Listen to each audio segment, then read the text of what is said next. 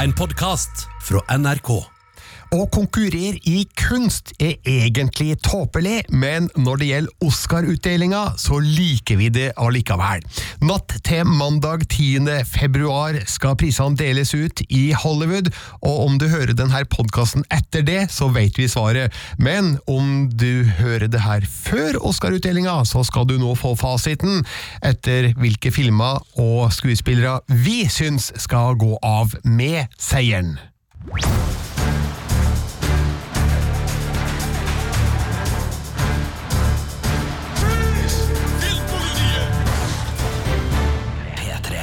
Jeg heter Birger Vestmo, og med meg i studio i dag Sigurd Vik. Og Miriam Fallan. Og vi er klare som hardkokte egg foran Oscar-utdelinga.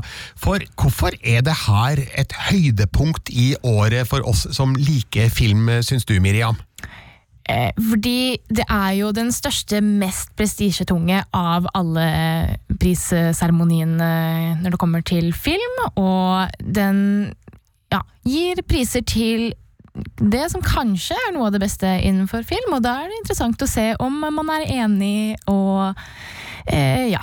Og så er det jo en feiring av noe vi elsker, Sigurd. Eh, Du tenker på sånn Hollywood-glamour og skuespillere og filmkunst og hair and makeup, som jeg vet du er Nei da, eh, skal ikke eh, underkjenne det. Det, var, det er mange viktige kategorier her som skal, skal få fram. Men det er jo, for oss som er glad i popkornlukt og, og kino, så er det jo litt sånn Det er jo litt julaften, da. Det er vanskelig Absolutt. å komme unna det. Absolutt. Altså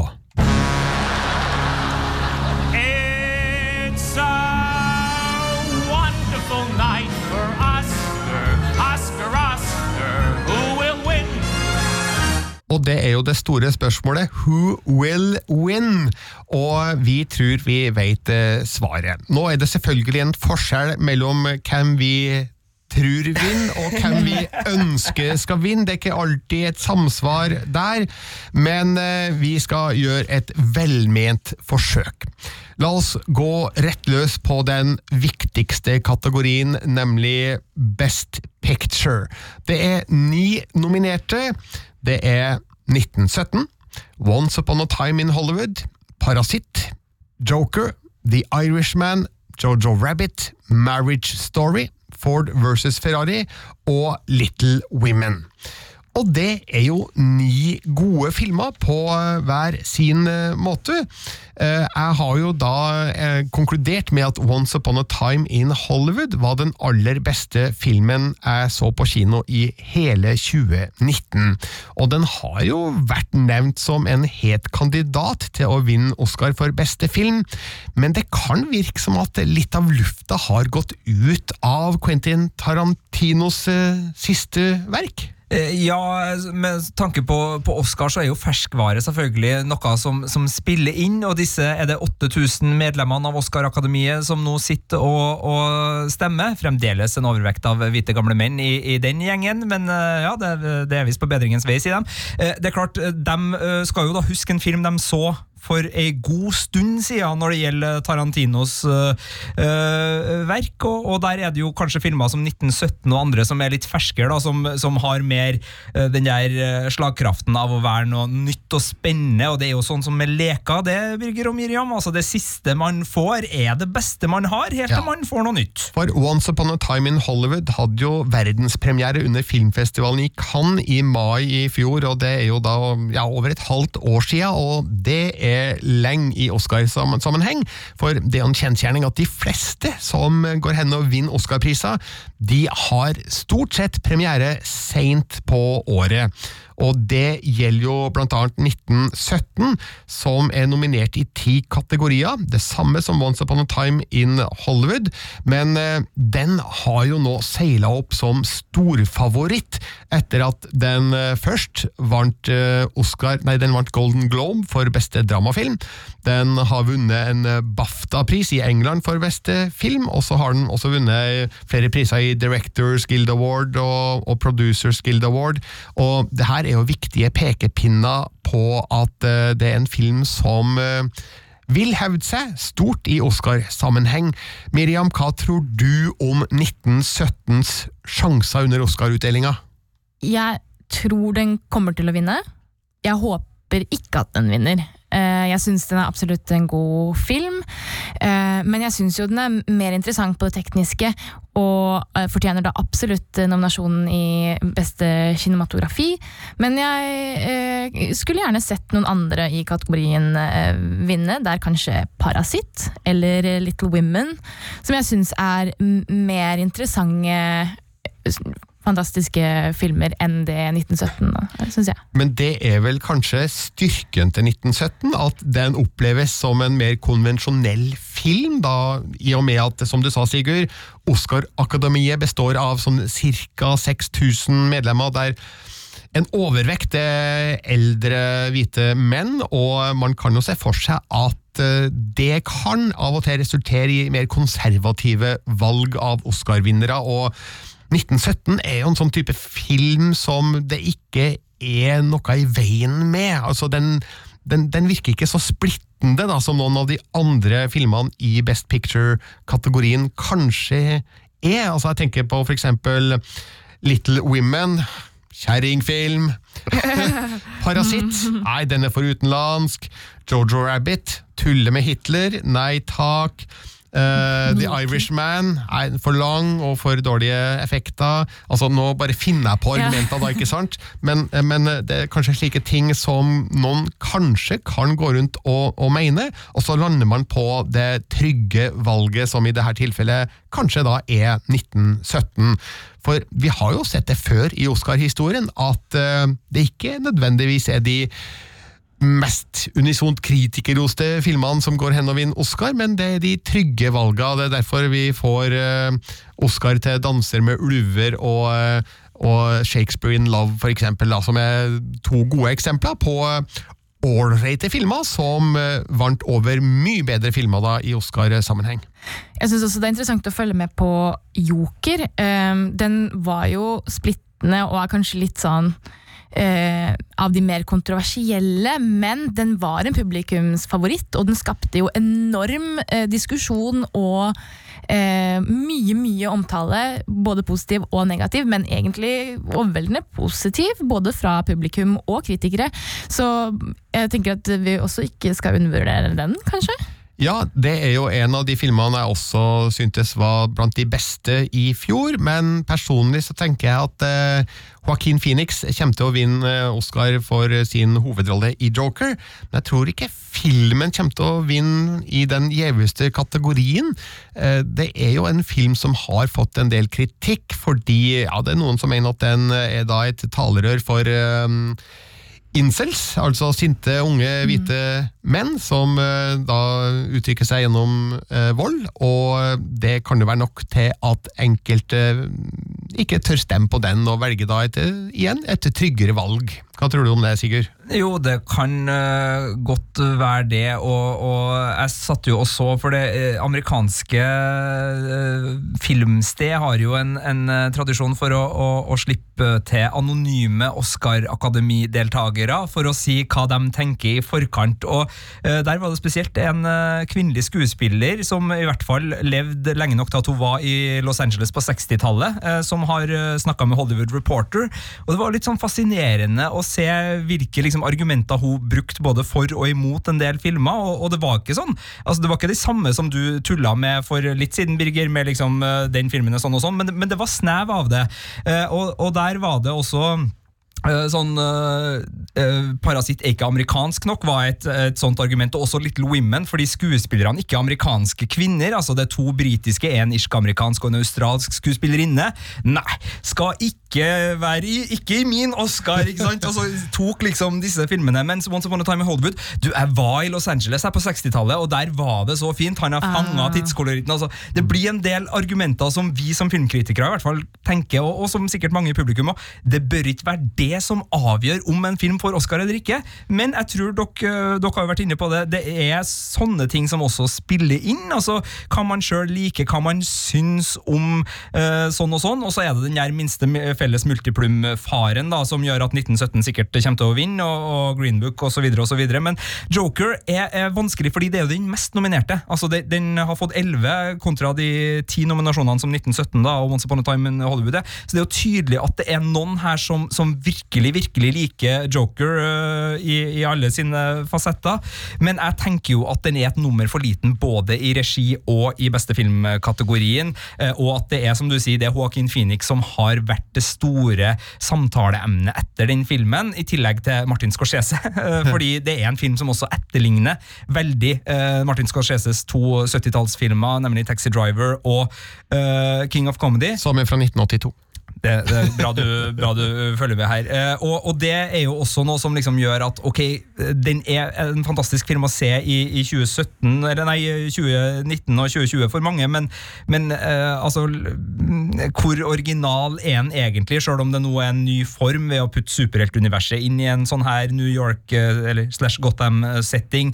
Altså Det er en del sånne ting også som kan tale i disfavør eh, for Joker, i tillegg til at det som dere har vært inne på, den, den eh, splitter publikum, både når det gjelder holdninga til måten den fremstiller sin hovedperson og, og tematikken, eh, men også eh, da i, med tanke på, eh, på litt mer sånn eh, eh, Altså, det, det er en Uh, superheltfilm som ikke er en superheltfilm, og det er jo, er jo litt sånn forvirrende for mange, så selv om mange har sett den, så er den ikke nødvendigvis så lett å eh, altså klassifisere som typiske superheltfilmer eller typiske uh, uh, psykologiske thrillere. Den, den havner litt sånn imellom eh, der også, eh, som den Joker-filmen den er. da.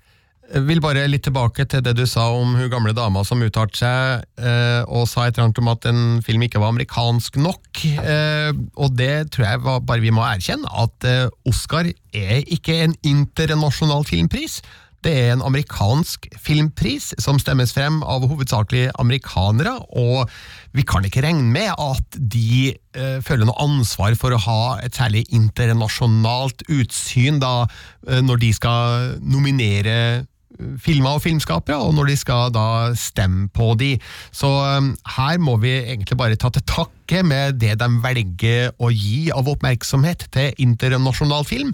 Og sånn sett så er det jo et mirakel at sørkoreanske Parasitt er nominert i seks kategorier.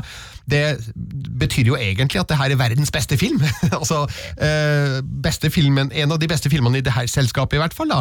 Og det finnes jo de som drømmer om at den skal gå hen og vinne hovedprisen, altså beste filmkategorien, og du Sigurd er en av de. Ja, jeg har sett alle de ni filmene eh, som er nominert her, og hvis jeg bestemte, så hadde Parasitt fått Oscar for beste film. Eh, Jeg syns den var en eh, filmopplevelse som virkelig, virkelig begeistra på, på mange plan, og, og av de ni, så er det definitivt den filmen jeg personlig har gått ut av kinosalen og tenkt den, den der, den likte jeg! Men den kommer garantert til å vinne Oscar i kategorien beste internasjonale film, der den også er nominert. Så da tenker jeg at det skal litt til at et Oscar-akademimedlem skal sitte her og stemme på den i den kategorien, og i tillegg stemme på den i beste filmkategorien. Da skal du virkelig like Parasitt. Og jeg sier ikke at det er umulig, og jeg sier ikke at det vil være ufortjent heller, for det er en strålende film, men jeg tviler på at det er spesielt realistisk å tro da at den kommer til å vinne den aller gjeveste Oscar-kategorien. Den er jo også nominert da eh, for Bong Joon-hos regi og manus. Den har også blitt nominert i produksjonsdesign og klipp. Eh, merkelig nok ikke for beste foto, for det er jo en av de best fotograferte filmene jeg så i hele fjor. Men eh, igjen, vi må ta til takke med det vi får, og eh, jeg tenker at det er en eh, det er en mulighet her for at den bare får den ene eh, ganske trygge Oscar-prisen som jeg tror at eh, Parasitt vil få. En annen film som også har seks nominasjoner, er Marriage Story, som jo da kan ses på Netflix. Og der tenker jeg jo at eh, Jeg vet ikke om den får noen. Eh, jeg tenker at Adam Driver spiller jo utrolig godt og har fått en fortjent nominasjon. Men eh, Joaquin Phoenix kommer til å vinne i den kategorien. Scarlett Johansson er også veldig dyktig i eh, sin hovedrolle, som hun er nominert for. Men eh, nå vant jo René Selveger nettopp både BAFTA og Golden Globe for sin hovedrolle i Judy, som Judy Garland, og ting tyder nok på at hun er det mest sannsynlige valget da av Oscar-vinner. Så også Marriage Story kan hen ikke få med seg så veldig mange mange Oscar-priser. Muligens da en, eh, en manuspris. Mens de andre på lista, Jojo Rabbit med fem, Little Women med fem og Ford versus Ferrari med fire, trolig ikke kan hevde seg i de viktigste kategoriene, i hvert fall. Eller er det noen i dette studio som er veldig uenig i det? Det var en uh, Ja, jeg så, jeg så, jeg så uh, Miriam trakk pusten Jeg, jeg tenker jo at uh, Jojo Rabbit står sterke sjanser i adapted screenplay. Jeg ville i hvert fall likt å se den vinne der. Enten den eller Little Women. Eh, ja, jeg vet ikke. Jeg, hva mener du? Jeg tror at de er de to store kandidatene i den kategorien. Der, der står de opp mot The Irishman, Joker og The Two Popes. Eh, som, jeg har ikke sett The Two Popes, men de to andre er gode filmer. Men jeg, jeg tenker at der Jojo Rabbit utmerker seg, er jo kanskje i manus. Og det samme gjelder for Little Women. At de har veldig snertne, morsomme, drevne manus. Og kan absolutt vinne i den.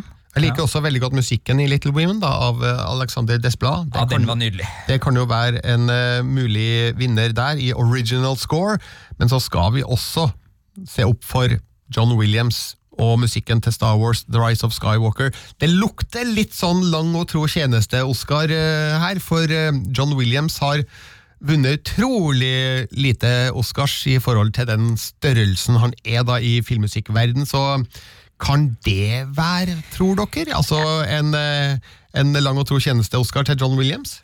Ja, altså Det er jo aldeles ikke usannsynlig at eh, mange stemmer sånn. Og det er klart, eh, sånn filmmusikkmessig så er det Det er jo ofte en litt sånn eh, vanskelig å spå, men jeg, er helt enig med at Little Women altså, Når jeg så den, så, så hørte jeg jo veldig godt på lydsporet. Det er en sånn film som, som treffer deg i øregangene, og hvor uh, filmmusikken sjøl, for meg som ikke er sånn utpreget uh, opptatt av det sånn i utgangspunktet Det kan være mange filmer der jeg ikke egentlig får med meg filmmusikken i noe annet enn der og da-opplevelse, og at den, den ligger og underbygger stemninga og, og jobber seg der, men, men til og med jeg var liksom lutter øre på, på filmmusikken der, så jeg syns den uh, ga meg mer i filmopplevelsen enn det og det her blir teit å si, for selvfølgelig er Star Wars eh, så tett knytta opp mot musikken at selvfølgelig er musikken kjempeviktig i en Star Wars-film, men der var det liksom som forventa mer, mens i, i Little Women så, så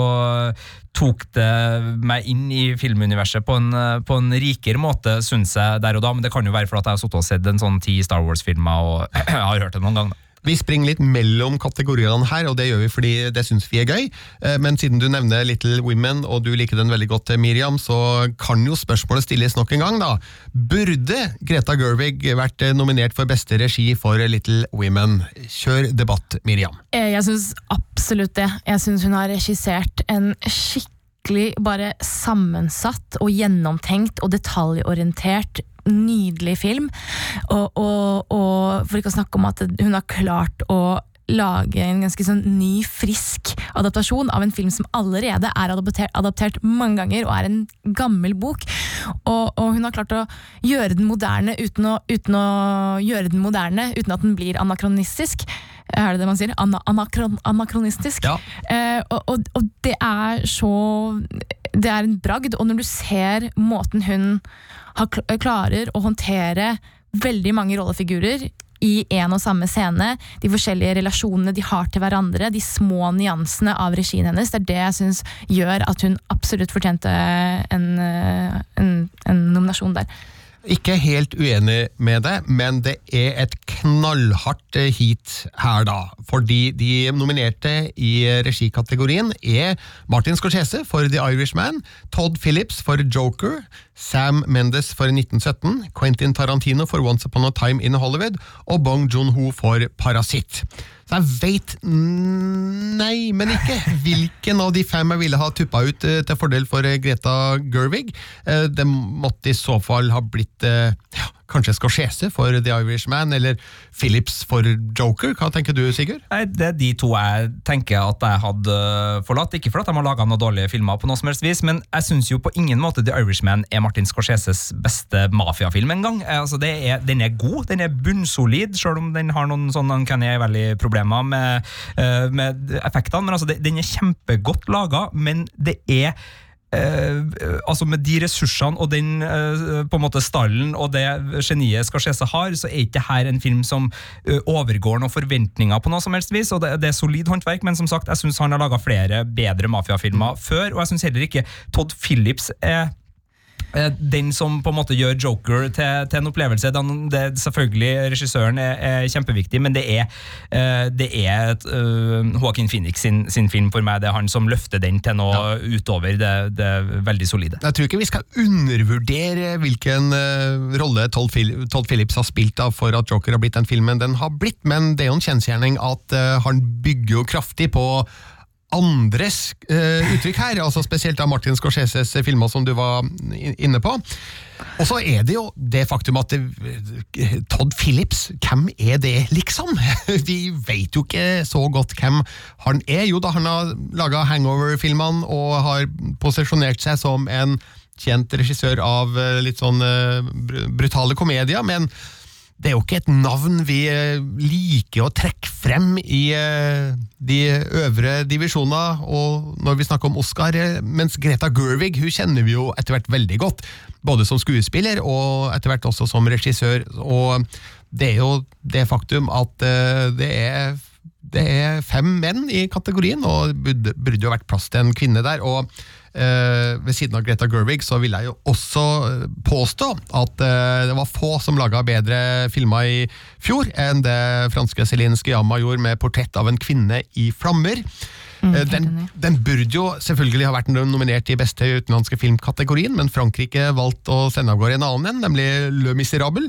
Ikke den gamle musikalen, men da en eh, nyere politidramafilm som jeg også så i fjor, og som var veldig god, men eh, ikke i nærheten av eh, 'Portrett av en kvinne i flammer'. Jeg er enig, og jeg syns 'Portrett av en kvinne i flammer' var en av de beste filmene eh, som jeg så i fjor. Og definitivt syns hun ble blitt nominert i eh, regi, men også kanskje Best Picture over f.eks. Ford Ferrari, som ga meg veldig lite. Det er en gøyal film, eh, misforstå meg rett, men jeg, jeg syns ikke den, den Den gjorde ikke noe revolusjonerende fantastisk for filmmediet. Eh, den var ikke en fantastisk opplevelse, sånn som jeg syns 'Portrett av en kvinne i flammer' var. da. Ja, eh, Ford versus Ferrari, veldig god film, men eh, altså, den er amerikansk. 'Portrett av en kvinne i flammer' er fransk, og tilbake igjen til det at Oscar er amerikansk, og det må vi bare erkjenne og godta, og det er lite vi kan gjøre med det. Um, så, men de som er nominert da, eh, i regikategorien, uh, bookmakerne påstår at eh, det er Sam Mendes som ligger best an her, med 1917. Eh, og så har de faktisk plassert Bong Joon-ho for Parasitt da, på andreplassen, og det er de to da som bookmakere i USA i hvert fall da tipper er de to heteste kandidatene. og det overrasker meg litt, fordi du var inne på det, Miriam. 1917 oppleves jo Altså, det er en god film, men den oppleves mest av alt som en teknisk bragd. Jeg syns absolutt at eh, hvis det er én vi skal stryke fra den eh, kategorien her, så er det Sam Mendes. Jeg syns, eh, jeg syns at den er teknisk veldig kul. Historien er, Ja. Det er en kul historie, liksom, morsom, men, den er ikke noe mer enn det. Og jeg syns ikke at det virker som at eh, Ja, det er ikke regien det står på her. Nei, altså, Den er jo nominert for beste or original screenplay. Ja, det er Kan jo du- tull, da. Kan du skjønne det? jeg kan, det er, jeg kan ikke skjønne det i det hele tatt. Da jeg, da jeg leste det etter jeg hadde sett filmen, så var jeg sånn Hæ, snakket de? Fordi det er jo ikke det du legger vekt på, det er ikke det du legger merke til. For det er, det er et helt vanlig streit manus. Manuset er ikke i fokus. Så det at det er nominert for beste manus, syns jeg er kjemperart. Men jeg syns 1917 har mer å gjøre i regikategorien enn i beste Altså, øh, den bør heller vinne for beste regi enn beste film. Eh, for jeg syns det Sam Mendes gjør sammen med, med fotograf, og, og der skal du få lov til å hjelpe meg med navn nå, for det er Roger Robert Richardson. Eh, som er fotografen på 1917? Nei, det er Roger Nei. Deakins. Det er Roger Deakins. Ja. De to sammen gjør jo det her, eh, som du sa, en teknisk bragd, men det er jo her jeg blir imponert. Altså, Jeg satt og så den filmen med et øye etter uh, hvordan de løser den, for den er jo uh, framstilt som en slags jeg vil si two-take-film, for det er en, en pause uh, naturlig inni der, men, men, eh, men altså det, det, det går sømløst, og jeg tenker liksom måten man har klart å formidle den historien her visuelt, eh, regissør og fotograf sammen, er jo det som virkelig begeistrer, og som gjør 1917 til en filmopplevelse som jeg syns er veldig god som filmopplevelse. Så jeg er helt enig i at den har ingenting å gjøre i manuskategorien, og jeg syns heller ikke den bør vinne for beste film, for det er en eh, eh, utover det tekniske så er det en ganske ordinær, solid, men ordinær krigsfilm. Men eh, hvis vi snakker om, om eh, regikategorien, bare for å ta ferdig den eh, Tarantino, Birger. Ja, Ditt jeg- blødende Tarantino-hjerte. Ja. Hvordan har det det nå? Jeg, jeg, jeg er i ferd med å innse at eh, kanskje han ikke vinner en Oscar for Once Upon a Time in Hollywood. Jeg tenker jo at eh, han hadde fortjent det, fordi eh, han er jo en av de regissørene i den kategorien som eh, setter mest av sin personlighet da, på filmen. Det kan du også argumentere med at Bong Joon-ho har gjort da, i Parasitt. Hvis du har sett noen av hans eh, andre filmer, som The Host og, og Okia, så er det et eh, gjenkjennelig filmspråk i også hans film, som du forbinder med med denne regissøren spesielt, da. Og eh, det samme gjelder Tarantino. Mens, mens 1917 kun har blitt regissert av hvem som helst, eh, kan man tenke da, fordi det er ikke, det er ikke mye i den filmen man tenker ah, det der er typisk Sam Mendes. Det er et eh, godt poeng. Eh, Det minte meg på en annen eh, liten sammenligning som jeg bare skal ta som en kort anekdote nå. For den en av de anonyme Oscar-akademistemmerne, eh, altså stemmeavgiverne som har blitt intervjua, husker ikke hvem, eh, snakka om eh, Joaquin Phoenix mot Adam Driver. Eh, Nettopp i en sånn sammenligning. For kunne ikke Adam Driver ha spilt The Joker, men kunne Joaquin Phoenix ha levert eh, i Marriage Story? Var da liksom det retoriske spørsmålet som ble stilt da. Det er jo et meningsløst spørsmål, fordi det er to forskjellige rollefigurer i to forskjellige filmer, og hvorfor skal man liksom tenke at den ene skuespilleren skal kunne gjøre begge for å briljere i den ene?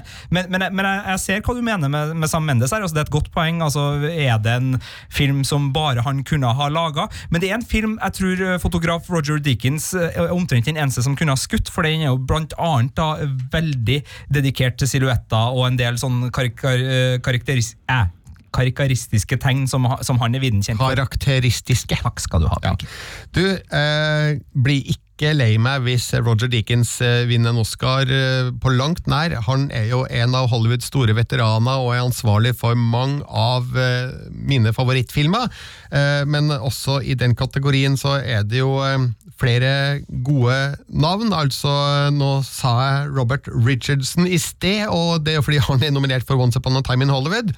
Og det er jo en fantastisk deilig film å se, der de har gjenskapt eh, Los Angeles anno 1969 på fortryllende vis, og mm, bare den scenen mm, der alle neonskilta i byen tennes opp én etter én.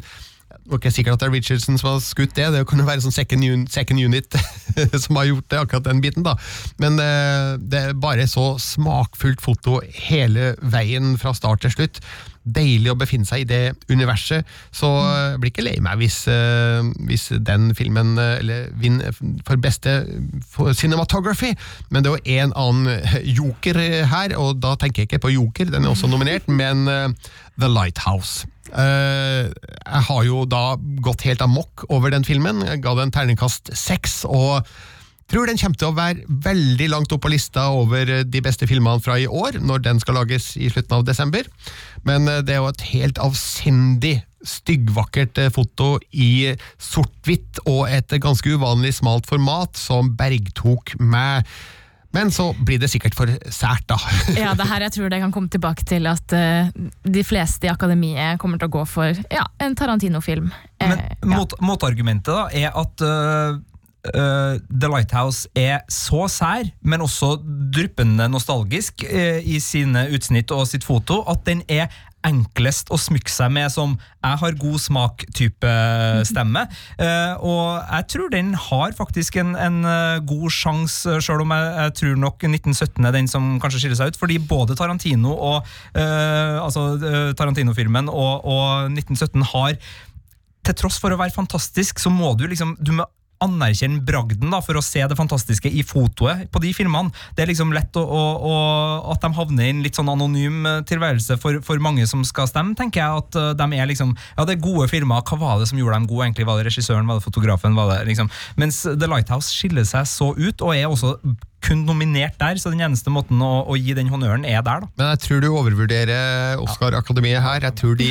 er såpass konservative at uh, det blir ikke The Lighthouse som vinner i beste foto. Det er, det er Roger Deakins for 1917. Uh, det er jeg ganske sikker på. Uh, så da var vi plutselig ferdig med fotokategorien. Vi må jo gå løs på skuespillerne her. For eh, det er jo blant de aller viktigste kategoriene under Oscar-utdelinga natt til mandag. Og for å starte med Best Actress. De nominerte er René Selveger for Judy, Scarlett Johansson for Marriage Story, Cynthia Erivo for Harriet, Saoirse Ronan for Little Women og Charlize Theron for Bombshell. Og nå leste jeg dem opp i den rekkefølgen amerikanske bookmakere har på deres vinnersjanser, hvilket eh, da betyr at René Selveger eh, ligger best an for sin rolle i Judy der hun spiller Judy Garland, og som jeg har vært inne på, hun vant en Golden Globe for sin rolle. Hun vant også en BAFTA for samme rollen, og hun er en klar favoritt.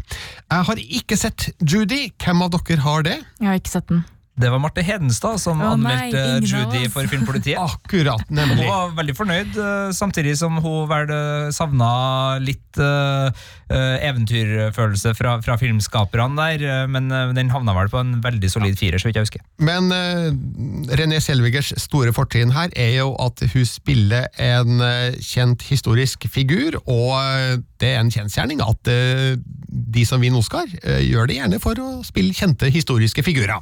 Judy Garland er jo til og med da en viktig del av Hollywoods historie, og derfor så er det jo ikke rart hvis eh, Hollywood-folka i Oscar-akademiet velger å stemme frem hennes prestasjon. Uh, Sjøl om, eh, ja, om jeg ikke har sett filmen, så hadde jeg jo da virkelig håpa på Scarlett Johansens eh, eh, Marriage Story-innsats som Oscar-verdig, for jeg har vel aldri sett eh, hun bedre i eh, en rolle noen gang, og tenker det på høy tid at eh, hun får en, en premie for det. Eh, men eh, hva tenker du, Sigurd, om eh, Scarletts sjanser? Er det noe håp, eller må hun nøye seg med å klappe frem René Selveger? Jeg tror hun må klappe frem René Selvegger, selv om jeg er helt enig i at hun gjør en glistrende god innsats i, i Marriage Story. Det, det er absolutt et, et samspill, og det er noen scener der mellom hun og Adam Driver som er helt Ja, det tar jo pusten fra meg, og det var en i terningkast seks-film fra Brygger Vestmo, så vidt Ja, jeg erindrer. er så det, det er klart det er mye som tilsier der, og så har vi jo ikke sett da Cynthia Erivo i Harriet ennå i Norge. Uh, hun er å se i TV-serien The Outsider, som ruller og går på HBO Nordic. Stephen King-krim der. Uh, hun er jo også nominert uh, to ganger. Hun er nominert for beste originalsang fra, fra Harriet, så, så hun har jo en, en veldig god nominasjonsrekke der, og det er jo en, også en historisk film som, som Akademiet kan like, så, så der er jeg i, i det blå på, på vinnersjanser der, men eh, ja, alt du sier, altså Hollywood, elsker Hollywood, elsker Judy Garland, elsker René Selvegger, eh, gratulerer med Oscaren. Ja. Eh, jeg bare søkte opp Scarlett Johansson eh, på Wikipedia her nå for å sjekke hvilke filmer hun har vært Oscar-nominert for tidligere. Eh, og da oppdaga jeg til min overraskelse at hun har aldri vært nominert til Oscar før. Oi. Det her er første gang hun er nominert, og da er det jo greit at hun er jo faktisk nominert for to filmer. Nemlig, i tillegg til Marriage Story, så er hun da nominert for eh, birollen i Jojo Rabbit. Eh, og ja, nei, det overrasker meg litt, fordi var det så spesielt stor kvalitet over den rollen hun spilte i Jojo Rabbit? Jeg syns vel det er en annen kvinnelig skuespiller som kanskje er vel så imponerende i Jojo Rabbit, uh, uten at jeg skal avsløre hvem, fordi da avslører vi handling, og handling skal vi vel ikke avsløre, men, uh, men uh, en litt yngre kvinne som jeg syns kanskje gir Ja, Jeg avslører også i anmeldelsen min at noen har gjemt seg. Noen har gjemt seg, og jeg syns vel kanskje den prestasjonen sitter igjen mer enn Scarlett Johansson sin, selv om om den er jo uh, perfekt til det den gjør i filmen. altså Hun trør jo ikke uh, feil én plass, og eh, det er jo ei scene i den filmen som, som virkelig slår i magen, og der er jo uh, hennes tilstedeværelse viktig. men, men nei, jeg, jeg vil vel heller at hun vinner for Marriage Story enn for Jojo Rabbit i så måte. Og, du tok forresten feil, Birger, for det er da Lost in Translation som er riktig svar på hva er beste rollen til Scarlett Johansson. Ja, Eh, akkurat. ja. Ja, så da har vi løst det. Hva sa jeg var Eh, Uh, marriage Story. Ja, men og, det, og det er jo for så vidt riktig, men, men det er jo Ja. ja. Jeg, jeg har rett. uh, men Lost in Translation er heller ingen sinke, da. Det er en ganske god film. Men uh, for å se videre på beste kvinnelige skuespiller, så mm, er det jo hyggelig å se Sosha Ronan nominert for rollen som Joe i Little Women, men det er kanskje tale mot hun her at Little Women er vel mer en ensemblefilm, Miriam? Ja, jeg syns hun gjør en veldig god rolle, og jeg er enig med nominasjonen. Men jeg er er også enig med deg, og jeg tror ikke hun kommer til å gå av med seieren. Selv om jeg hadde syntes det hadde vært veldig fint. Og dette er vel hennes andre Oscar-nominasjon. Hun var vel nominert for eh, Brooklyn for noen år siden. Eh, og vant ikke da heller. Men hun er jo ung, da. Så hun har jo noen år eh, altså hun, eh, jeg, jeg, Det vil ikke overraske meg om hun eh, ta, går av med noen Oscarer senere, for hun er jo en fantastisk skuespiller. Er første gang jeg så Saoirse Ronan som jeg husker, det var vel uh, Atonement, eh, og det er, er det ti år siden. Så hun har jo et tiår bak seg nå med stadig flere imponerende roller, så altså, hennes tid vil komme. På et eller annet tidspunkt så kommer hun til å treffe blink med en rolle som passer Oscar-akademiets eh, konservative medlemmer, og jeg har aldri sett hun i en dårlig rolle, i en dårlig film. Så hun har virkelig et kvalitetsnivå som, som imponerer, og som på et eller annet tidspunkt vil kunne resultere i en eh, Oscar-pris. Det er jeg sikker på. Og bare for å fort nevne den siste nominerte i kategorien nå, Char Charlize Theron i Bombshell. Jeg syns hun er en skuespiller som absolutt fortjener litt Oscar-kjærlighet. Hun er også en av de skuespillerne jeg tenker er sjeldent dårlig Ja. i noe jeg har sett henne i, og jeg syns hun er bare en sånn ja, Det blir kanskje feil å kalle henne en underdog, men hun, hun øh, får Jeg, jeg syns det virker som at hun aldri får liksom helt den øh, oppmerksomheten som hun fortjener. Hun er altså um, nominert for Bombshell, og det er jo en film jeg likte godt. Ga terningkast fire. Den er også nominert i en del andre kategorier, som Margot Robbie i um, birollekategorien. Uh, og så er den nominert i Makeup and hairstyling. Jeg tenker at Den kategorien den har de sjanse på, for uh, her er det en del tung sminke ute og går. I hvert fall når det gjelder Charlize Therons rolle, der de også vel har brukt litt sånn prosthetics eh, for å få hun til å ligne sin rollefigur, som jo eksisterer i, i virkeligheten. Eh, og nå har jeg glemt hva hun heter. Megan Kelly. Megan Kelly, ja. Riktig. ja. Så um, det kan tenkes at uh, det er en kategori da for, uh, for Bombshell, selv om den da i makeup og hairstyling også kjemper mot Joker, Judy, Maleficent, Mistress of Evil faktisk, regissert av norske Joakim Rønning, og også da 1917. Vi får se. Men det er ikke en kategori vi skal gå veldig nærme inn på her nå, for um, vi, vi får vel si at vi tror René Selveger uh, vil vinne for sin rolle i Judy, selv om eh, jeg i hvert fall håper på Scarlett Johansson da, for Marriage Story. Eh, Best Actor, der har vi jo allerede konkludert med at eh, Joaquin Phoenix eh, kommer til å vinne for Joker. Altså, Han har jo vunnet alt som er å vinne nå for den rollen, eh, og jeg tenker at eh, det er utenkelig at noen andre vinner her, men det er jo en del gode navn på lista her. Det er Adam Driver da for Marriage Story. Antonio Banderas, eh, nominert for aller første gang i sin lange, fine karriere da, for den um, spanske filmen Smerte og ære. Så du sier at han ble ikke nominert for Zorro? Han ble ikke nominert for eh, Zorro og ikke Desperado. Ja, nemlig. Jonathan Price er også nominert for Netflix-filmen The Two Popes, som jeg ikke har sett. Og Leonardo DiCaprio er da nominert for Once Upon a Time in Hollywood.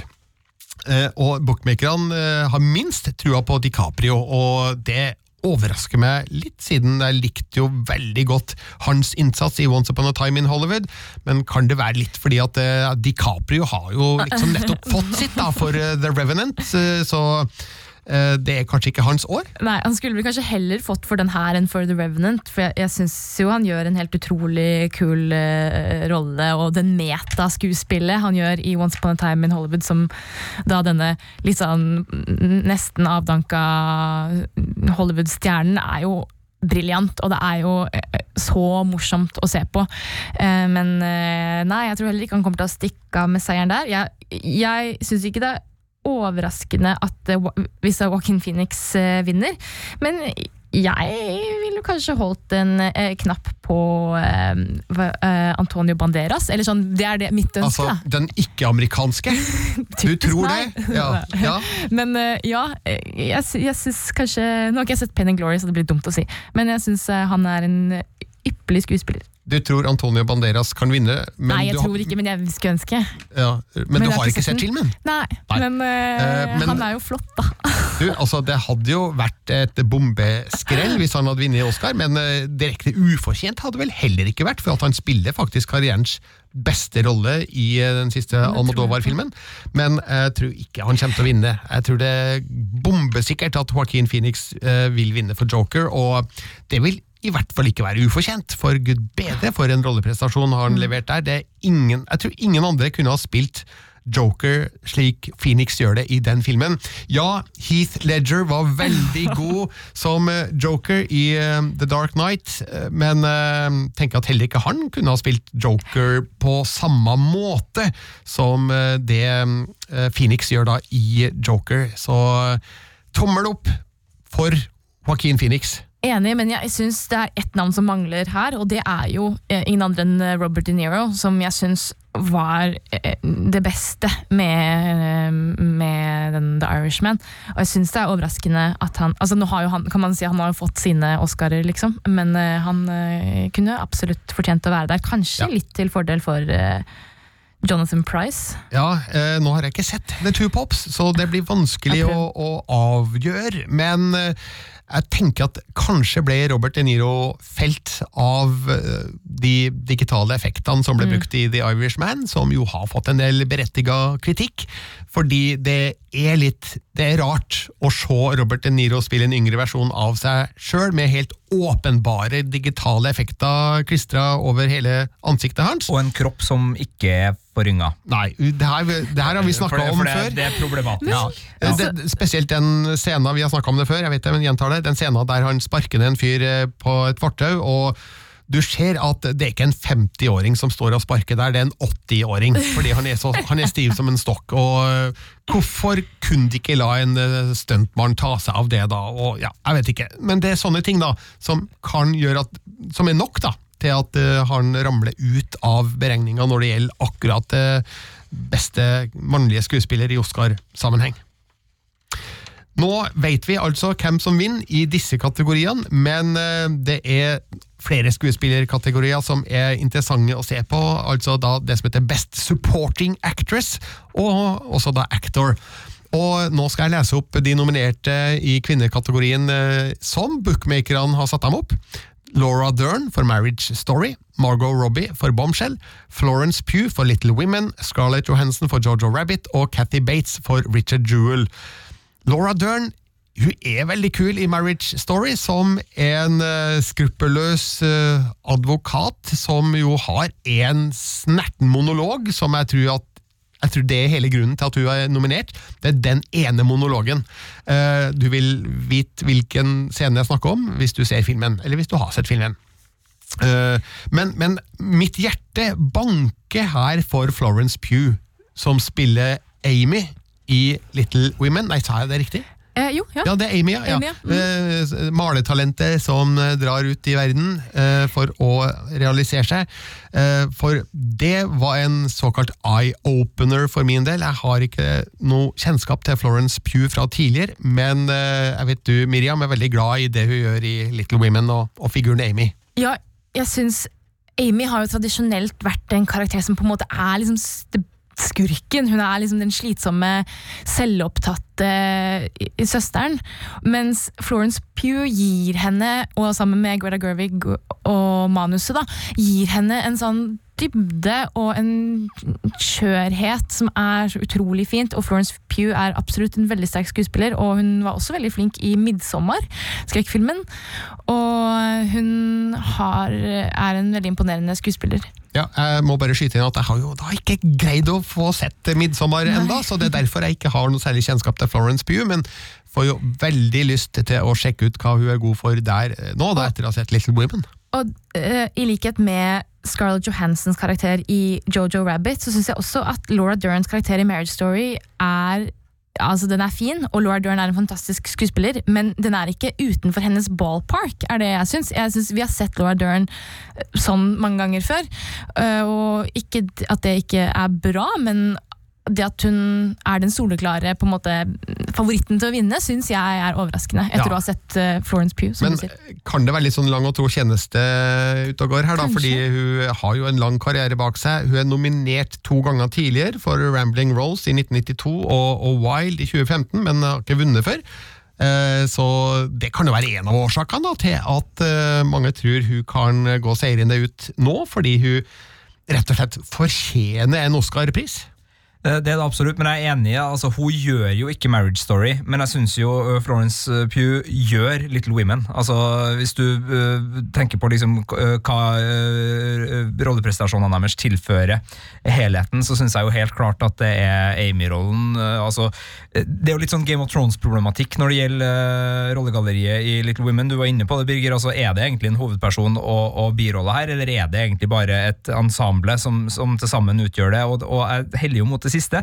Det var jo et problem å få hovedpersoner ut av Game of Thrones og i Emmy-sammenheng en, lang periode, for det var ingen klare hovedpersoner uh, før den siste og ikke fullt så gode uh, finalesesongen, eh, hvor de plutselig gikk for det. Men, men jeg tenker jo av de rollefigurene som, som stikker seg ut, og jeg har den filmen her veldig friskt i minne etter å ha sett den i går kveld, eh, så, så jeg jo helt enig i at den de nyansene Florence Pugh klarer å tilføre Amys rollefigur, som gjør at du både knytter neven og, og strekker ut armene, og du banner og du griner om hverandre, det, det er eh, det, det løfter jo filmen, og det, det løfter eh, hvor sammensatt og kompleks den historien er, og den gir også eh, filmen en, en tidløshet og en aktualitet som, som jeg syns er, er formidabel. Så, så jeg tenker jo av de jeg har sett, og her har jeg ikke sett Cathy Bates uh, i Richard Jewell eller uh, Margaret Robbie i Bombshell, men, men eh, Florence er den jeg mener er fortjener den her. eh, og uh, det kan jo også være Little Women eh, sin, også sin Oscar, hvis man skal frykte det verste på, i de andre kategoriene. Så, så jeg håper det skjer der. Da. Men det er jo som du sier, Laura Dern. eh, en, en skuespiller som både på TV og, og film de siste fem årene har fått eh, veldig gode roller og gjort veldig mye bra. Og det er klart, den følelsen man sitter med da, av at Laura Dern er en utrolig god skuespillerinne. Det kommer fra, fra Big Little Lies, det kommer fra øh, øh, Åh, nå sto det øh, helt dørgende stille på øh, Laura Dern, Ja. Wild at Heart. Jo, jo, det var Jurassic i, Park. i, i de, siste, i de siste årene. Men uansett, uh, min dårlige hukommelse skal ikke ødelegge for poenget mitt. Altså, hun, hun har et navn som, som er i vinden, og det kan nok føre til at mange tenker at hun må belønnes, uh, sjøl om det kanskje ikke er akkurat denne rollen som er hennes aller fremste prestasjon. Eller rollefiguren er kanskje ikke den mest interessante, er vel egentlig problemet. Ja, du, Jeg måtte jo bare google det mens du snakka om Laura Dern, fordi jeg husker heller ikke hva hun har vært kjent for de siste åra, for det er veldig vanskelig å plukke fram ting fra hukommelsen av og til. Men hun spilte jo i Cold Pursue, den eh, Hans Petter Moland-remaken av hans eh, egen eh, film. Hun spilte i Jurassic World Evolution, eh, videospillet, og Star Wars The Last Jedi. Hun Der spilte var en av dem jeg tenkte på, ja. ja. Hun spilte Diane i Twin Peaks. eh, ja Downsizing. Unbreakable Kimmy Schmidt. uh, Wilson, The Founder. Ok, vi, Jeg tror vi forlater Laura Dern der. uh, og konkluderer med at hun kommer nok til å vinne Best Supporting Actress uh, natt til mandag, hvis ikke våre ønsker når det gjelder Florence Pugh blir oppfylt. Best Supporting Actor den er veldig klar. Det er omtrent opplest og avgjort at Brad Pitt han kommer til å vinne for sin birolle i Once Upon a Time in Hollywood. Han har vunnet Golden Globe, han har vunnet BAFTA, han har vunnet flere andre mindre priser nå de siste månedene. Og um, bookmakerne tror også at han er overlegen favoritt til å vinne Best Supporting Actor. og det hadde vært veldig hyggelig, fordi han har aldri vunnet Oscar som skuespiller før. Han har vunnet som produsent for Twelve 12 Years a Slave i 2014. Men ellers har han vært nominert til mm, Best Supporting Role i 12 Monkeys i 1996. eh, beste hovedrolle i The Curious Case of Benjamin Button. Eh, han var også nominert for, eh, som produsent for The Big Short og Moneyball, men Altså, Det er på tide at Brad Pitt vinner en Oscar for uh, sitt skuespill, tenker jeg da. Og det er en gyllen sjanse nå da med Once Upon a Time in Hollywood. Han bør straffes for at han var nominert for Benjamin Button, hvis han var det. Det, det er jo krise, uh, selv om det er for tolv år siden. Uh, ja, nei, altså, eh, alle eh, forhåndstips uh, er jo i, i den retningen. Han er jo en såkalt larger than life-karakter i Brad Pitt, som eh, har fått veldig mye eh, oppmerksomhet. Jeg glemte jo selvfølgelig Little Women når vi snakka om Laura Dern her i stad. Det jo en grunn til at hun er på, på mange lepper og spiller veldig mye. Brad Pitt, altså eh, den backstage-romansen, holdt jeg på å si, det var jo ikke det, men altså det at han og Jennifer Aniston møttes backstage på en prisutdeling, ble liksom en, en stor nyhetssak, fordi folk er så sabla glad i Brad Pitt, da. Og jeg tror det at folk er så sabla glad i Brad Pitt, kommer til å sørge for at Brad Pitt vinner denne prisen. Det er jeg ganske sikker på. Men fortjener han den? Altså, Brannfakkel, men eh, han spilte jo bare Brad, Spilte han noen andre enn seg selv i, i Once Upon a Eller jo, han gjorde jo åpenbart det, da, men han, han er jo cool guy som tar av seg skjorta og kjører bil, liksom. Er det, er det veldig imponerende? Uh, Hvor mange andre kan gjøre det du sier han gjør i den filmen, og være like kul som Brad Pitt når han gjør det? Altså, eh, det å se Brad Pitt kjøre bil, det er, det er morsomt, Det det. er litt som å kritisere John Wayne for å være sabla god til å spille eh, John Wayne eh, i John Wayne-filmer. Uh, altså, jeg skjønner hva du mener, men, men altså, det er jo selvfølgelig sånn med en del skuespillere at de har noen karaktertrekk, og så er det selvfølgelig mye lettere å håne en fyr som bare er cool guy, enn en uh, Joe Pesky som alltid er angry guy i mafiafilmer. Men, men altså, det, det er jo lignende ting. Da. Altså, det er noen skuespillere som har noen kvaliteter som man bare liksom Som gjør at de er bedre enn resten til det. Ja, men du kan jo ha en mer kompleks eh, rollefigur eller en frem fremføring, sånn som for eksempel ja, Al Pacino, syns jeg ja, ok, han er mafiafyr. Han er jo Al Pacino! han-! Nei, han, han er jo Jimmy Hoffa! jo- Han er jo Al Pacino i den filmen! Det er jo et Nei, problem med, er med sånn Jimmy Hoffa-spillet hans. Sårbar og øh, rar og liksom Men han er jo ikke Jimmy Hoffa. Han spiller eh, Al Pacino- eh, Al Pacino-versjonen av eh, sånn Hvordan ville du vært Jimmy Hoffa Al Pacino? Jo, jeg ville ha ja, altså, jeg, tenker han, Det er jo i hvert fall en rollefigur som er, lik seg sjøl. Da jeg så den, så var jeg sånn Oi, wow, det her er kult. Dette her er en kul, nå har han skapt en kul rollefigur. Mens i, i Once Upon a Time in Hollywood så satt jeg og tenkte wow, Brad Pitt, det der det er bankers en Oscar, liksom. Jeg tenkte ikke på det engang. Så da, jeg, jeg synes bare Ikke at han ikke er flink, jeg bare, det, det slo meg ikke som en sånn wow, den fortjener en pris. Altså, Det er ikke helt usannsynlig at det kan komme et bombeskrell her, men jeg tenker jo da, sjøl om jeg nå har sagt at Brad Pitt er bankers eh, til å vinne, så gjør jo både Joe Pesci og Al Pacino gode roller i The Irishman, men det kan jo være det problemet da at eh, de, de spiller i en film som er av en type de er kjent for å spille i. Ja. At uh, det er roller man kan se for seg, de, de gjør omtrent uh, i blinde. Ja. Uh, så kanskje er det mulig at man overser hvilke kvaliteter de egentlig har da, i de rollene. Men er ikke den hyggeligste, og mest kjernesunne og mest populære fyren i den uh, kategorien her ikke Brad Pitt, men Tom Hanks? Uh, og mm, noen som har sett hva han har gjort i A Beautiful Day in the Neighborhood? Han har ikke kommet ut her. Nei, har ikke sett den enda. Og han spiller jo da en amerikansk eh, TV-personlighet, Mr. Rogers, som eh, vel kan kunne sammenlignes med jeg vet ikke, hvem har, Hvilke barne-TV-personligheter har vi i Norge? Eh, eh, Sjunkel Rolf, holdt jeg på å si. Ja, Eh, altså, Asgeir! ja. Nei. Borgermoen, Halvdan Sivertsen i Labbetuss, ja, noe sånt. Ja.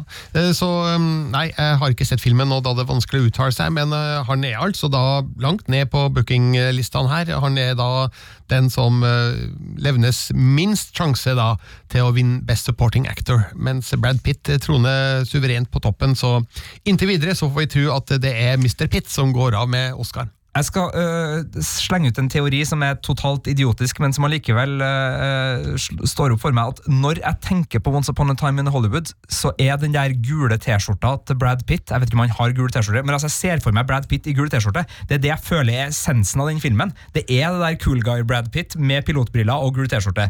Uh, og det kan jo være noe, altså at man, man treffer et eller annet. altså Man har et riff i ei låt, man har ei scene i en film som liksom blir filmen. Og, og for meg så er det liksom, selv om når vi snakker om uh, den her uh, metarollen som, som Leonardo DiCaprio sånn gjør, jeg husker jo det fra filmen, men liksom, hvis du sier Once Upon a Time in Hollywood til meg, akkurat som hvis du sier Pop Fiction, så tenker jeg Uma Thurman og John Travolta på dansegulvet. Uh, her tenker jeg Brad Pitt uh, og, og fargen gult. Den er faktisk nominert for beste kostymedesign eh, sammen med The Irishman, Jojo Rabbit, Joker og Little Women. Eh, og han har på seg en hvit T-skjorte med Champion-logo på, og så har han ei gul hawaiiskjorte utapå. Så Sånn er det. Det er Ja. det du husker da fra Once Upon a Time in Hollywood. Mens, eh, mens eh, Rick Dalton, spilt av Leonardo DiCaprio, han har jo på seg en sånn skikkelig brun skinnjakke gjennom store deler av filmen. Da, og Det er liksom det som kjennetegner de to figurene. Det er gul hawaiiskjorte, brun skinnjakke. Og det gir jo en tydelig kontrast og en tydelig forskjell på hvem som er sjefen i den duoen, og hvem som er assistenten. For, eh, for de som ikke har sett filmen, er det noen som ikke har sett filmen?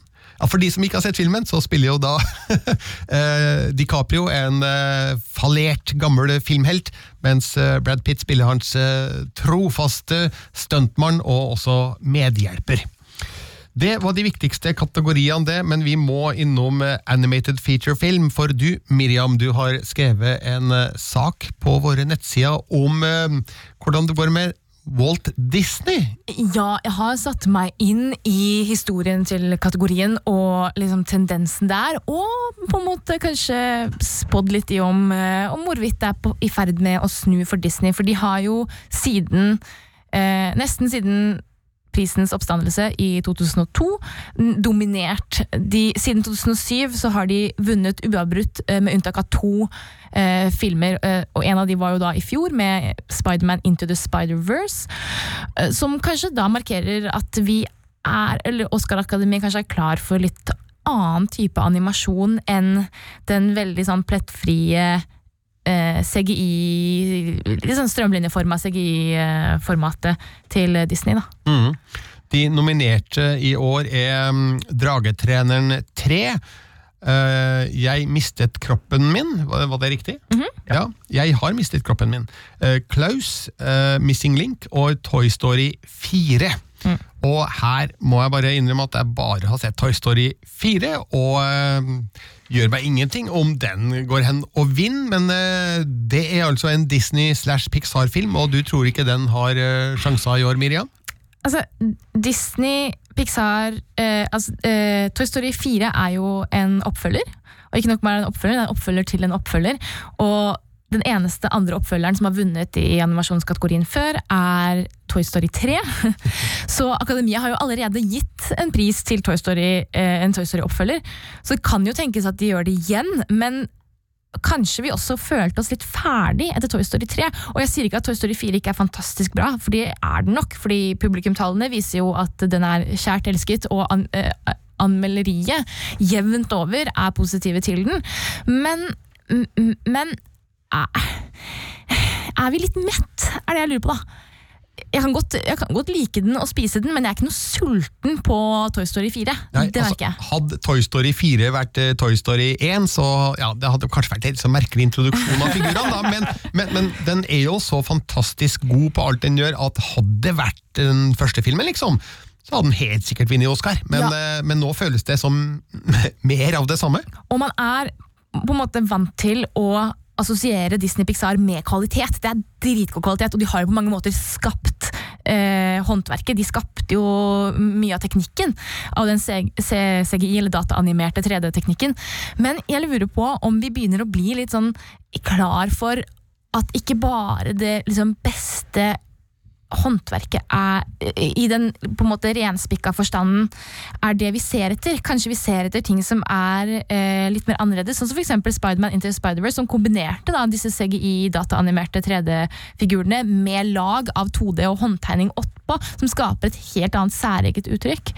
Jeg synes jo En av de eh, artige funnene du har, har trukket fram i, i den saken, som kommer ut fredag, eh, så, så litt avhengig av når du hører det her, så, så er den ute eller ikke, eh, er jo det at eh, for det første så er det noe med, med sjangerforståelsen. altså Hvis eh, animasjonsfilm skal være familiefilm, så vil jo Disney vinne ti av ti. Men hvis animasjonsfilm på linje med andre kategorier skal være uh, for alle som, som driver med animasjonsfilm, så er det jo helt andre ting. Og Der åpna jo Spiderman Into the Spider-Verse ei slags dør i, i fjor. fordi ja, selvfølgelig det er en Spiderman-film, men det er ikke av de Spiderman-filmene som er sikta inn på det aller yngste og et veldig familiebredt publikum. Det er en litt smalere film, både i det visuelle uttrykket, som ligger mye tettere opp til tegneserien, sånn som den er i, i de faktiske tegneseriene, og også har en historie som er, er litt uh, hakket hvassere enn kanskje de mange andre. Og Man ser jo også på det som har skjedd tidligere. altså uh, I Golden Globe-sammenheng så hadde Disney tre kandidater, Lion King, Frozen 2 og Toy Story 4, men vant ikke. Eh, og det var det Missing Link som, som gjorde der, og også på BAFTA var det vel Klaus, altså den tyske spanske. Nei, spanske. eh, Netflix-julefilmen som vant. Så, så det tyder jo også på at eh, kanskje man begynner å, å, å, å få en litt mer smak for, for annen animasjon, og, og det er jo de andre nominerte som gjør at du kanskje er mest spent på om Disney-hegemoniet kan stå for fall, eh, hvis vi da mener at det å ikke vinne to år på rad er, er fall. da. Men eh, nå har jeg, mens dere snakka, sjekka hva oddsen sier, da. Hva bookmakerne mener, og de har mest trua på Toy Story 4, altså. Okay. De har det, eh, mens eh, de har Klaus på andreplass, hvis jeg kan si det. Missing Link på tredje, eh, jeg har mistet kroppen min på fjerde, og Dragetreneren tre da er den minst tenkelige Oscar-vinneren. Og nå er ikke disse bookmakerne og sannhetsvitner de, og det er ikke alltid de treffer blink, men det er i hvert fall eh, det man tror, da ut ifra hvordan folk har vedda da, på hvem som skal vinne Best Animated Feature. et problem kan jo være at man ikke rekker å se alle filmene.